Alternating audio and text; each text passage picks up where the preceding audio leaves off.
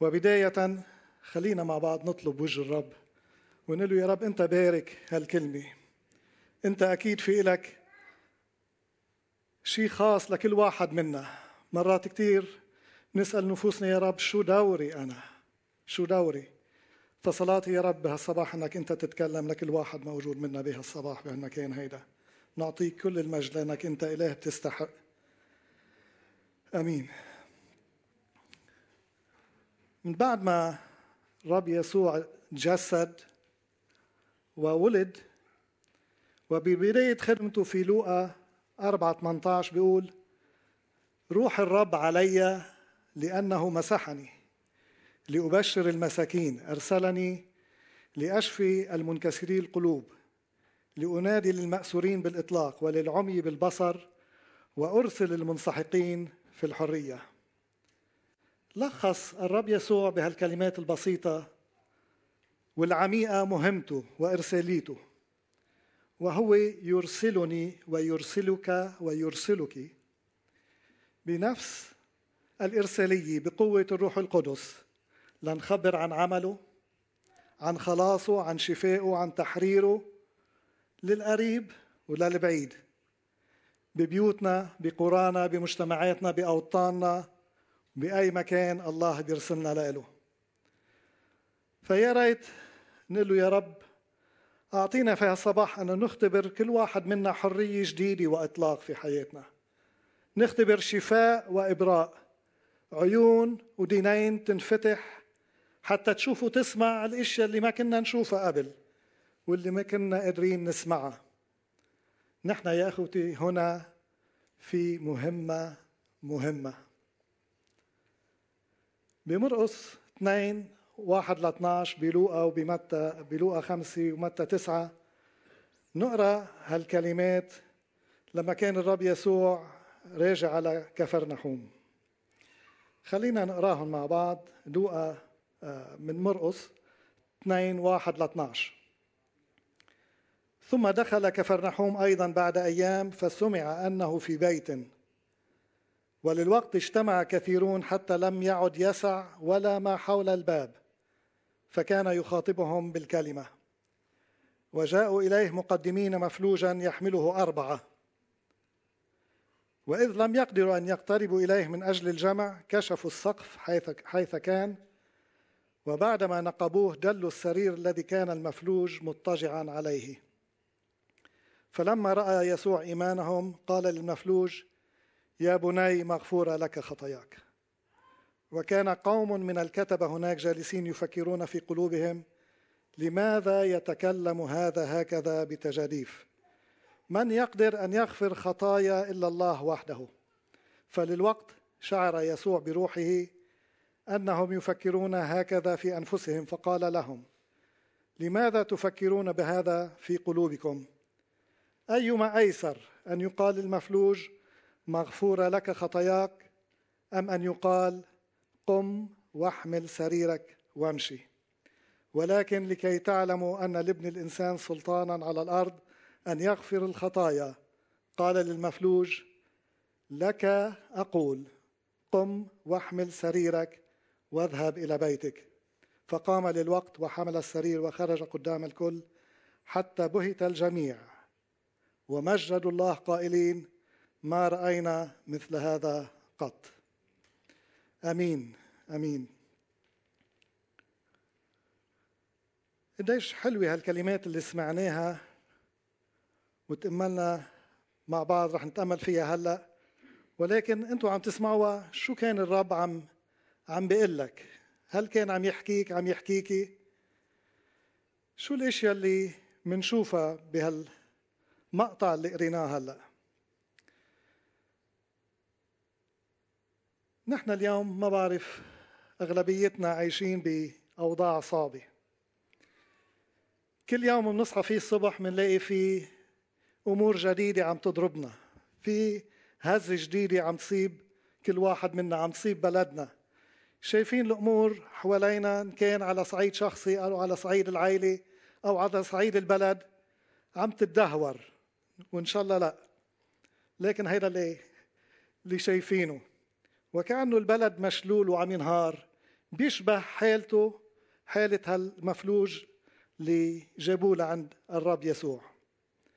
لما اجى الرب يسوع على كفرنحوم على البيت امتلأ بناس كثيرين إجوا ليسمعوا هالمعلم ويتقابلوا فيه. بده يشوفوه وجه لوجه.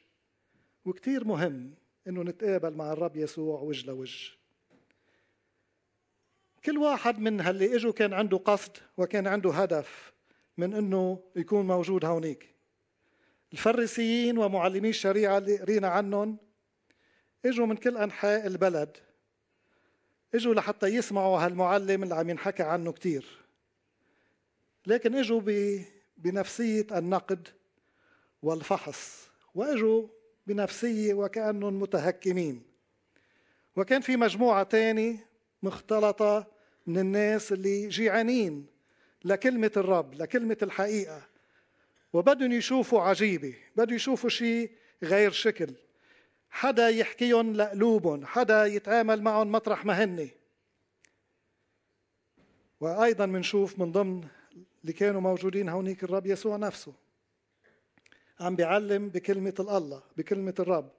عم يكرز بالملكوت اللي هو إجا كرماله. ومنشوف أيضا التلاميذ اللي كانوا موجودين ولكن ما كانوا كلهم لأن كان البعض منهم بعد ما دعاهم. ومنشوف شخص مشلول. جاي لحتى يكون في لقاء مع الرب يسوع. لكن هالشخص المشلول كان متكل على ناس تانيين على حدا تاني في أكله في شربه في معيشته اليومية في غسيله حتى في مجيئه للرب كان متكل على ناس تانيين لحتى يجيبوه لهونيك.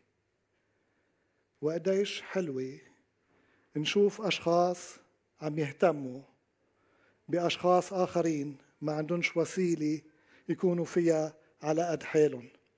وكم بالأحرى إذا كانوا في احتياج في حياتهم. ورابعا بنشوف أربع أشخاص كانوا في مهمة. وهالمهمة هي مهمة مهمة. ليش مهمة مهمة؟ لأن هالأشخاص كانوا أصدقاء لهالشخص المشلول. وهن كانوا سبب الاتصال أو الجسر اللي من خلاله هالمشلول قدر يوصل لعند الرب يسوع. وب هالمهمة اللي هن مشيوا فيها كانوا عم بيساعدوه جسديا ولكن أيضا كانوا عم بيغيروا حياته إلى الأبد. لما وصل لعند الرب يسوع هالمشلول شو صار فيه؟ رب غفر له خطاياه وشفاه جسديا. السؤال اليوم لإلي ولإلك لكل واحد منا مين أنا بين هالأشخاص اللي كانوا موجودين؟ إذا أنا عم بتصور حالي بهيداك الوقت مع الرب يسوع بكفر نحوم بالبيت اللي كان موجود فيه أنا مين بين هالأشخاص اللي كانوا موجودين هونيك؟ أو إذا بدك مين بتحبي تكوني أو مين بتحب تكون من هالأشخاص؟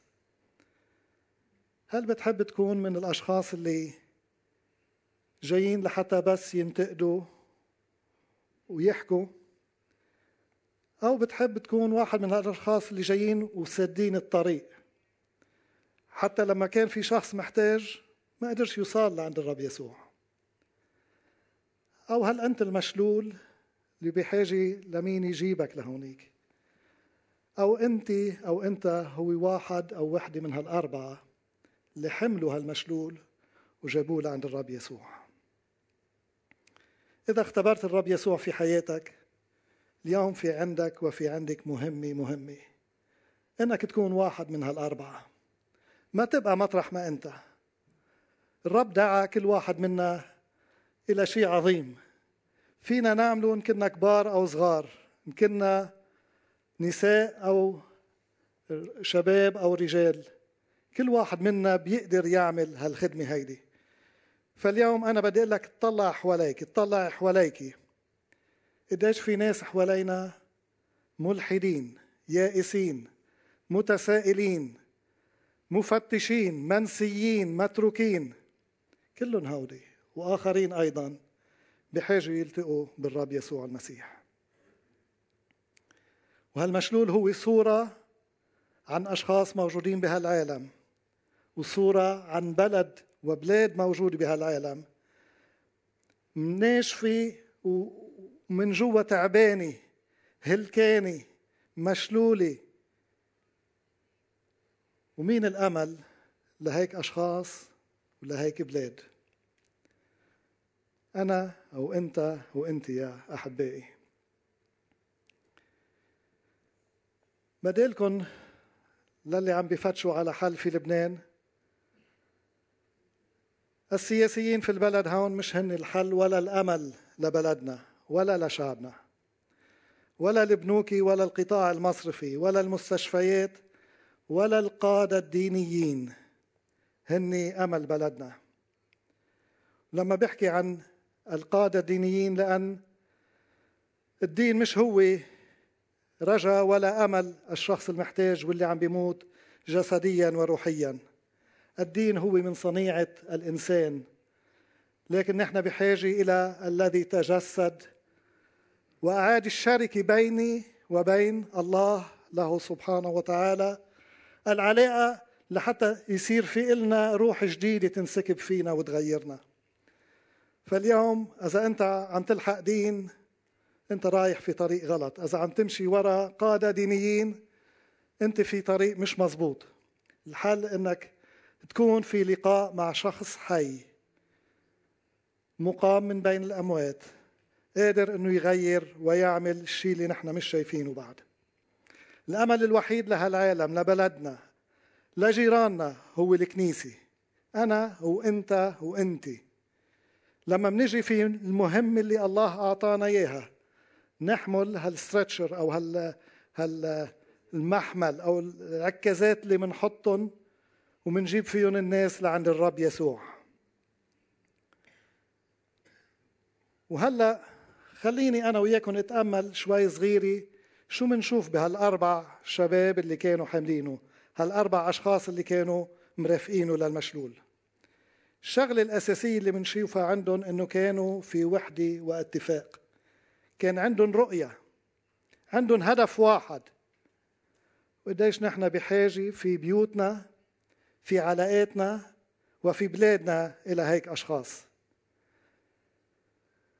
وحلوين كلمات الرب يسوع لما بقول بمتى 18 19 و20 الكلمات هيدي. إن اتفق اثنان منكم على الأرض في أي شيء يطلبانه فإنه يكون لهم من قبل أبي الذي في السماوات. لأنه حيثما اجتمع اثنان أو ثلاثة باسمي فهناك أكون أنا في وسطهم.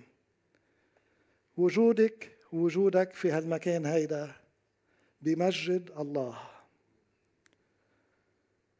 كيف منشوف هالوحدة والاتفاق بين هالأشخاص الأربعة؟ أول شيء منشوف أنه كانوا أصحاب قناعة راسخة. كان عندهم اليقين جواتهم انه الرب يسوع هو الحل الوحيد لهالشخص المشلول. لرفيقهم هن كانوا مصدقين جواتهم إنه هو الوحيد اللي بيقدر يعمل فرق بحياة صديقهم انه الرب يسوع هو الجواب. وأنا بدي شجع وأقول إنه صحيح بهيداك الوقت كانوا أربع شباب اللي حاملينه. لكن اليوم شباب وصبايا. وصبايا لوحدهم وشباب لوحدهم ممكن يكونوا سبب بركة في حمل أشخاص ومجيء أشخاص إلى الرب يسوع المسيح. حتى تكونوا أدوات تغيير في عائلاتكم في مجتمعاتكم وفي بلادكم. هل في حدا عم تصلي له اليوم قبل ما جيتي لهالاجتماع أو قبل ما تجي لهالاجتماع؟ وأنت متقل أو متقلي فيه لأن ما عنده إيمان كافي؟ إذا أنت عندك الإيمان الكافي تابعي في الصلاة وارفعيه قدام عرش الرب وهو قادر يتعامل معه. مش بس جسديا وروحيا أيضا. تاني شغلة بنشوفها عن هالأشخاص الأربعة كان عندهم عطف وحنان. وبحب كلمة أحشاء أحشاء رأفات. وهالشي هيدا شفته بكلمات الرب يسوع لما قال لتلاميذه أما تقولون أنه يكون أربعة أشهر ثم يأتي الحصاد؟ ها أنا أقول لكم ارفعوا أعينكم وانظروا وانظروا الحقول إنها قد ابيضت الحصاد وكلمة انظروا طلعوا هونيك معناتها كثير مميز مش إنه أنا وماشي شفت شيء أو ضليت رايح لا. شفت شيء ولكن هالشيء حرك جواتي أمر معين وخلاني مش بس من طريق. انزل إذا كنت أنا بسيارتي وإجي حد الشخص أو حد الشيء اللي عم بيصير وأشوف شو هو. صرت أنا جزء من الشيء اللي موجود مش بس عابر سبيل حد منه. تتذكر قصة السامر الصالح؟ كثير مرقوا حد منه. لكن مين اللي إجا وكان سبب تغيير واختلاف ونقل نوعي فيه في حالته اللي كان موجود فيها؟ الشخص اللي نزل وحط ايديه محل ما كانت الأمور لازم بدأ إيدين وإجرين حد منا. رب يفتح لنا عيوننا حتى نقدر نشوف ومش بس نضل ماشيين لكن ننزل ونحط إيدينا محل ما الاحتياج موجود. كلمة تانية بحبها ولما رأى الجموع بمتى تسعة بقول الرب يسوع تحنن عليهم. إذ كانوا منزعجين ومنطرحين كغنم لا راع لها. حينئذ قال لتلاميذه الحصاد كثير ولكن الفعل قليلون. وكلمة رأى هون معناتها الكامل أدرك وفهم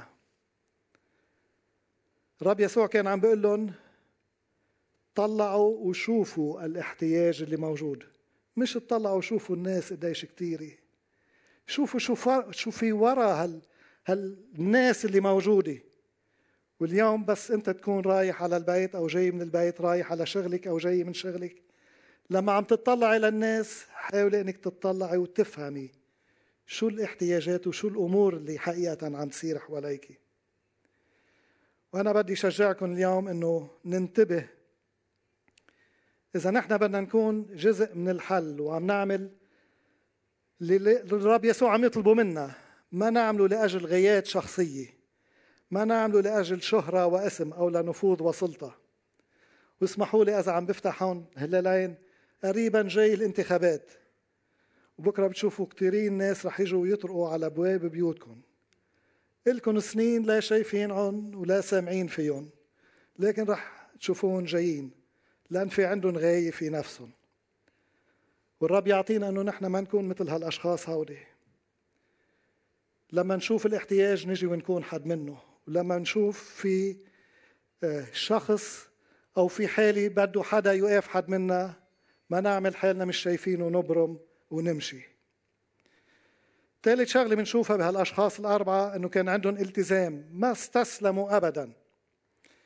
وأنا بتعلم كثير منهم. هن وجايين كان الجامع اللي موجود حد البيت مسكر الطريق. طلعوا شافوا الطريق مسكرة ما قالوا يلا بدنا نمشي ونرجع. طلعوا شو فينا نعمل؟ شافوا في درج طلعوا على الدرج. وطلعت الدرج وانتوا انت حامل حدا مش شغله صغيرة. وصلوا لفوق. طلعوا مسكرة. السقف مسكر ما في طريق لحتى نقدر نوصله لعنده. حفروا بالصخر. وأنا بدي أقول لكم احفروا بالصخر اليوم. لابد إنكم تلاقوا. نقطة المي اللي بتنزل نقطة نقطة على الحجر بتحفر فيه. ما تيأسوا من عمل الخير ومن الاحتياجات اللي موجودة حوالينا. نكون موجودين فيها ومع الأشخاص اللي محتاجين فيها. شو ما كان الاحتياج اللي موجود حدك؟ حاول إنك تكون عم تساعد فيه مهما كانت العقبات أو الموانع موجودة. اتصل بحدا غيرك. جرب تلاقي اثنين ثلاثة معك وبتشوف إنه فيكم تعملوا اللي ما بينعمل. ورابع شغلة بنشوفها بهالأشخاص الأربعة كانوا متعاونين مع مع بعض كفريق. كان عندهم هدف لكن ما كانش كل واحد منهم عم يشتغل على ذوقه. كانوا عم يشتغلوا بتزامن وتنسيق مع بعضهم البعض. وأنا أكيد إنه مش أربعتهم إجاهم نفس الفكر مرة واحدة واحد منهم اجاه الفكر بدي ساعده لهالشخص المشلول. لو كان هو بده يحمله لوحده ويروح فيه ما بعرف إذا كان بيقدر يوصل لعند الرب يسوع بهيداك الوقت. أكيد ما كانش قدر وصل لأن المشوار أنا بتخيله شوي بعيد. ولحتى أحمل أنا شخص آخر وإجي فيه صعبة. لكن قديش حلو لما أنا بشارك شو الرب عم يعطيني رؤية جواتي أنا. وشوف أشخاص بيتبنوا هالرؤية معي ونحن مع بعض منقوم بهالشي هيدا سوا. قديش بركة الكنيسة اللي مش القسيس بيعمل كل شيء فيها. مش هو الكل في الكل. الرب يسوع هو الكل في الكل. والقسيس المبارك هو الشخص اللي بيشوف المواهب اللي موجودة في الأشخاص اللي حواليه وبيحاول أنه يشركها في عمل الخدمة. نشكر الله لأجل الكنائس والخدام اللي هن مثال في هيدا. شكرا أخ حكمت. أنت وآخرين على مثالكم الصالح في هالأمور هيدي. هالأشخاص الأربعة كانوا في مهمة مهمة. هل أنت اليوم بتريد أنك تكون واحد من هالأشخاص اللي في مهمة مهمة؟ هل ممكن تطلع حواليك تطلع حواليك وتشوفي في أشخاص موجودين هون؟ ممكن تتفقوا مع بعض إنكم تعملوا شيء سوا خاصة إذا كان في احتياج معين. قديش في ناس حوالينا بحاجة لكلمة صلاة لحدا يجي ويقول لهم أنا شايف وين أنتم هل ممكن نعمل فرق في وسط مجتمعاتنا؟ نعم. نحن هنا في مهمة مهمة. مثل ما شفنا كان عندهم هدف واضح وحدة واتفاق هالأربعة. كان عندهم قناعة راسخة بمين هو الجواب وعنده الجواب والقدرة. الرب يسوع هو الحل. كان عندهم عطف وحنان. أحشاء رأفات للمحتاج للمنسي للمتروك للمأسور للأعمى ما استسلموا كان عندهم التزام كامل بالهدف. مهما كان التحدي كبير ومهما كلف الأمر. ورابع شيء التصميم والاستعداد أنه يشتغلوا مع بعض كفريق واحد. نعمل معا بتنسيق وتزامن.